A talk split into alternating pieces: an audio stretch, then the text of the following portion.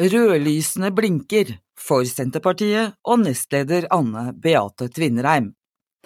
For å gjenoppbygge velgernes tillit før valget i 2025 bør Sp-nestleder Anne Beate Tvinnereim og partiets EU-utvalg tydelig på banen før EUs energipakke 4 kommer på regjeringsbordet.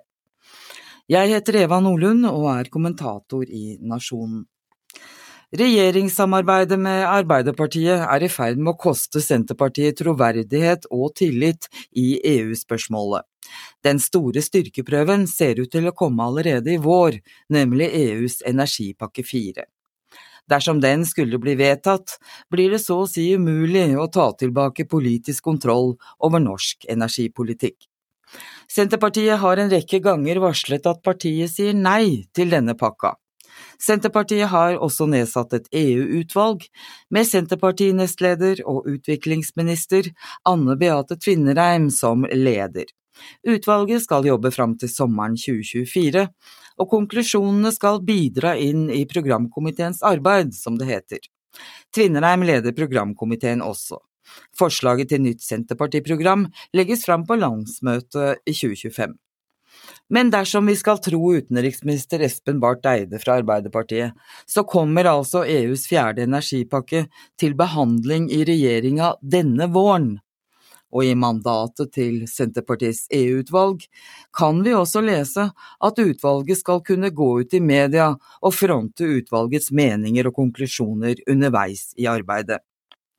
Dersom Senterpartiet skal bygge tillit fram mot valget i 2025, bør altså Tvinnereim på banen med klare signaler fra Senterpartiets EU-utvalg ganske raskt, for å bidra til at partiet blir tydelige i behandlingen av EUs energipakke 4.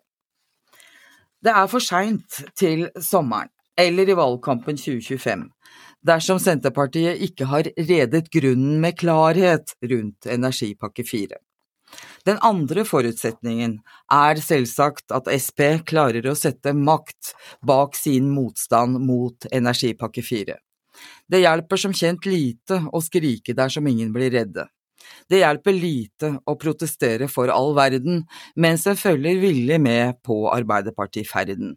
Slikt høster ingen ny tillit hos velgerne og en kan undres over hvorfor partileder Trygve Slagsvold Vedum er så ivrig etter å bedyre at Sp vil i regjering med Ap etter valget 2025, uten samtidig å ta forbehold om den politikken en ny Ap-Sp-regjering vil legge til grunn.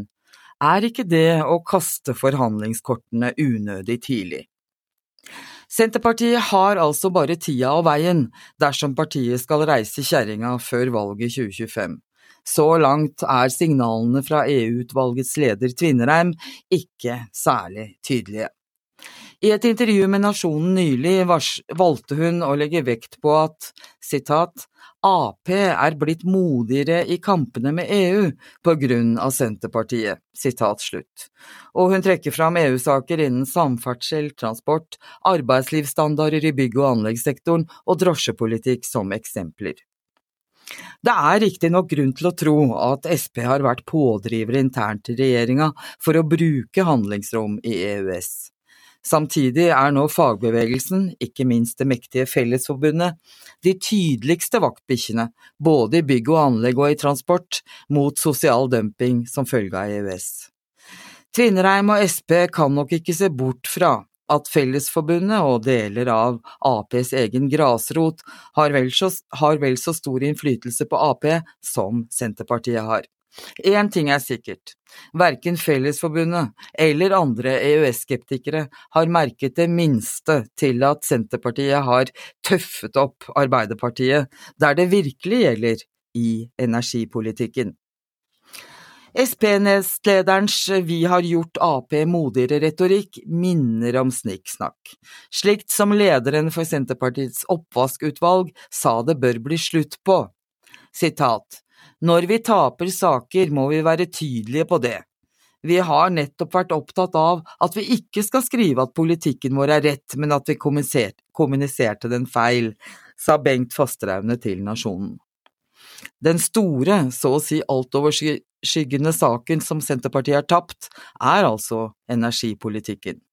Mens Sp før forrige stortingsvalg var garantisten for at det skulle være nasjonal kontroll, er altså Norge bundet og bastet til EUs energimarked. Enhver husholdning og bedrift kjenner det på lommeboka, og ser at folkestyret må vike for markedsstyring. Senterpartivelgernes tillit er ganske tynnslitt, og mange har mistet troen på partiet. Mistet troen på Senterpartiet som en viktig kraft i norsk politikk, og som et troverdig nei til EU-parti. Oppslutningen om partiet er derfor lav, slik SPs eget oppvaskutvalg også slo fast. Sitat. Senterpartiet må være gjenkjennelige på sin politikk, det er viktig å ta med seg at evalueringen viser en opplevd usikkerhet når det gjelder kraftpolitikken. Sitat slutt. Det jeg kan si om energipolitikken, er at det er flere prosesser på gang for å tenke strukturelle grep for nye løsninger i fremtiden, men det tar lang tid, sier Tvinnereim. Mens Senterpartiets landsmøte sa at for å hindre ytterligere avgivelse av norsk suverenitet over norsk energipolitikk, sier Senterpartiet nei til EUs fjerde energimarkedspakke. Senterpartiet er mot å gi makt over norsk energipolitikk til EU. Sitat slutt. Sp-nestleder Tvinnereim sier at det å ha nasjonal kontroll over energi går i ryggmargen til Sp. Det er god grunn til å tro at det også sitter i ryggmargen på mange velgere. Så hvorfor fremmer hun ikke frimodig og tydelige og tydelig partiets nei til energipakke fire?